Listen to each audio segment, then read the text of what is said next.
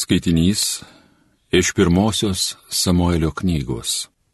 Grįžtant po Dovido pergalės prieš filistietį, pasitikti karaliaus Sauliaus iš visų Izraelio miestų dainuodamos ir šokdamos išėjo moterys su litaurais, džiaugsmingais šūkiais ir cimbolais. Jos grojo ir kupinos džiaugsmo šaukė. Saulis nukovė tūkstantį, Dovydas tūkstančių dešimt. Saulis markiai niršo nes jam ši daina nepatiko ir tarė. Dovydui priskiria dešimtį tūkstančių, o man tik vieną tūkstantį. Dabar tik karalius garbės jam betrūksta. Nuo tos dienos jis ėmė Dovydu nepasitikėti.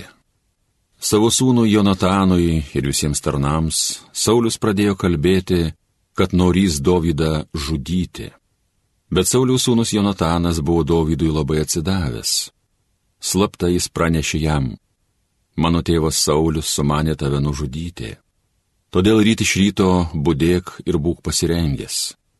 O aš išeisiu su tėvu į lauką ir ten, kur tu būsi pasislėpęs, aš sustosiu ir su tėvu apie tave pakalbėsiu. Pamatęs, kokie reikalai, tau pranešiu. Tada Jonatanas gerai apie Dovydą atsiliepęs prabilo. Tegul karalius nenusideda savo tarnui Dovydui, nes jis tau nieko nenusižengė. Jo žygdarbis buvo labai tau naudingas. Jis statė pavojant savo gyvybę ir užmušė filistietį. Per Dovydą viešpats visam Izraeliui suteikė didelę pergalę. Tu pats tai matei ir tuo džiaugiaisi. Kodėl tad dabar nori nusidėti, pralieti nekaltą kraują, be pagrindo žudyti Dovydą?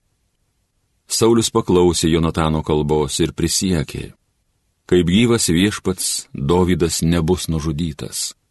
Tada pašaukęs Dovydą, Jonatanas jam pranešė visą pokalbį. Po to jis nuvedė Dovydą pas Saulių ir Dovydas vėl kaip pirma tarnavo pas Saulių. Tai Dievo žodis.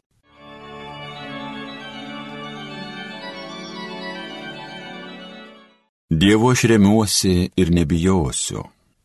Pasigailėk manęs Dieve, žmonės sutrypt mane nori, vargina vis puldinėja, be paliauvos mane niekina priešai, daugybė jų mane puola. Dievo aš remiuosi ir nebijosiu. Tau žinomas visas tremties mano kelias, odmaišys surinktas mano ašaras saugai, argi knygose tavo jos nesurašytos. Todėl mano priešai atgal toj trauksis, kai tik tavęs šauksiuos. Dievu aš remiuosi ir nebijosiu. Juk aiškiai žinau aš, mane Dievas užstoja, Dievu, kurio žodžiais didžiuojos, viešpačiu, kurio žodžiais geriuosi. Dievo aš remiuosi ir nebijosiu. Tuo Dievu aš remiuosi ir nebebijosiu, ką žmogus man galės padaryti. Aš turiu tave, Dieve, vykdyti įžadus tau padarytus, tau padėkos auką aukosiu. Dievo aš remiuosi ir nebijosiu.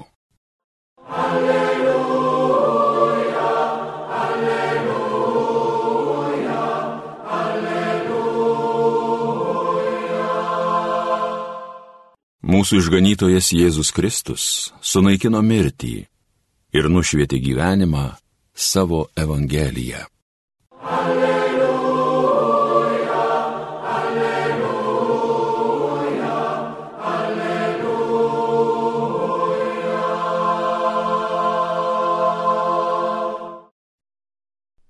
Viešpat su jumis. Pasiklausykite Šventojios Evangelijos pagal Morku.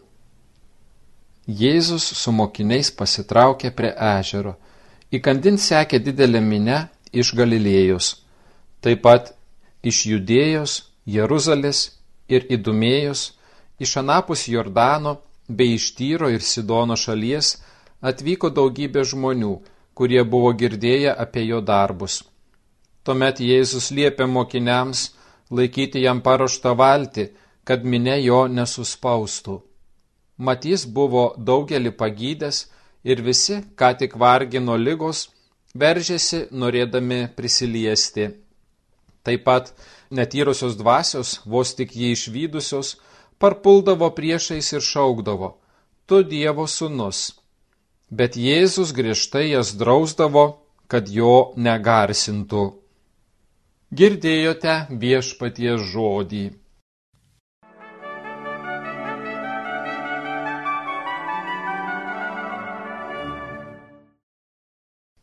Brangus Marijos radijo klausytojai, Jėzus Evangelijoje šiandieną pasitraukia iš miesto ir nukeliauja prie ežero, tačiau nelieka vienas.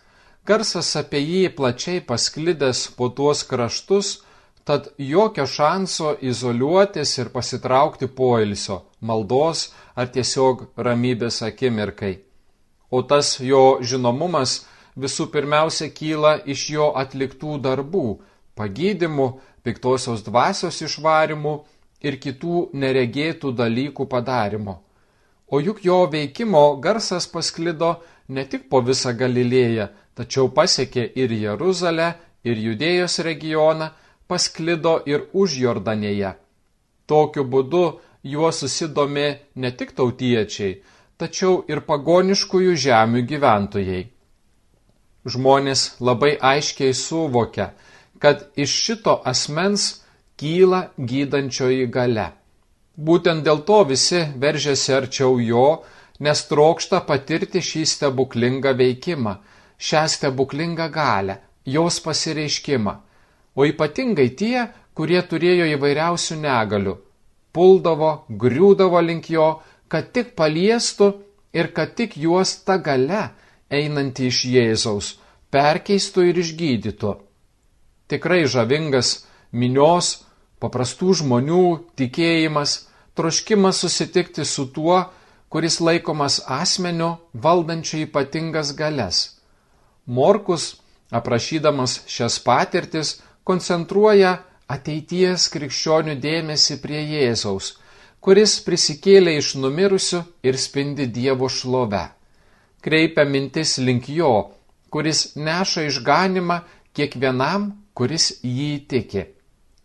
Tvirtinimas, jog tu esi Dievo sūnus, išreikštas pasaulio dvasių, tariant tai iš baimės ir siekiant nuimti nematomumo kaukę, siekiant atverti tiesą, kad štai čia stovi didis ir galingas egzorcistas.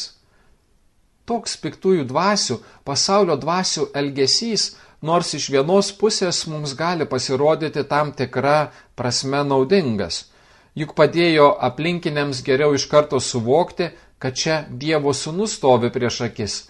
Tačiau Jėzus visai nenori tokio dėmesio. Jis nenori, kad žmogus prie jo eitų vien tik dėl egoistinio noro patirti stebuklingą pagyjimą, pagyjimą nekuriant santykio su gydančiuoju. Jėzus nori, kad žmogus su juo susipažintų, kad sektų juo ir kad nueitų kelią iki pat kryžiaus papėdės. Tai tikro išgydymo esmė - dalyvavimas Dievo amžinybėje. Ne vien tik fizinis išgydymas, kuris vis tiek nuveda prie žmogiškojo trapumo neišvengiamos patirties, peržengiant mirties lengsti. Broli sesė, Tegul Dievas duoda mums malonę matyti tai, kas yra dalykų, žmogiškosios egzistencijos prasme ir esmė. Te padeda mums išsilaisvinti iš įsikibimo į laikinumo labirintus. Nes tiesiausias kelias į Dievo amžinybę - matyti daugiau, negu žmogiškoji akis geba, negu žmogiškasis protas trokšta. Žvelkime Dievo žvilgsniu Jis mus palytėja mūsų namų aplinkoje, mūsų kasdienybėje. Tegul tas žinojimas, jog tu esi Dievo sūnus, kyla iš mūsų draugystės su tavimi, o ne dėl išskaičiavimo. Amen. Garbė Jėzui Kristui.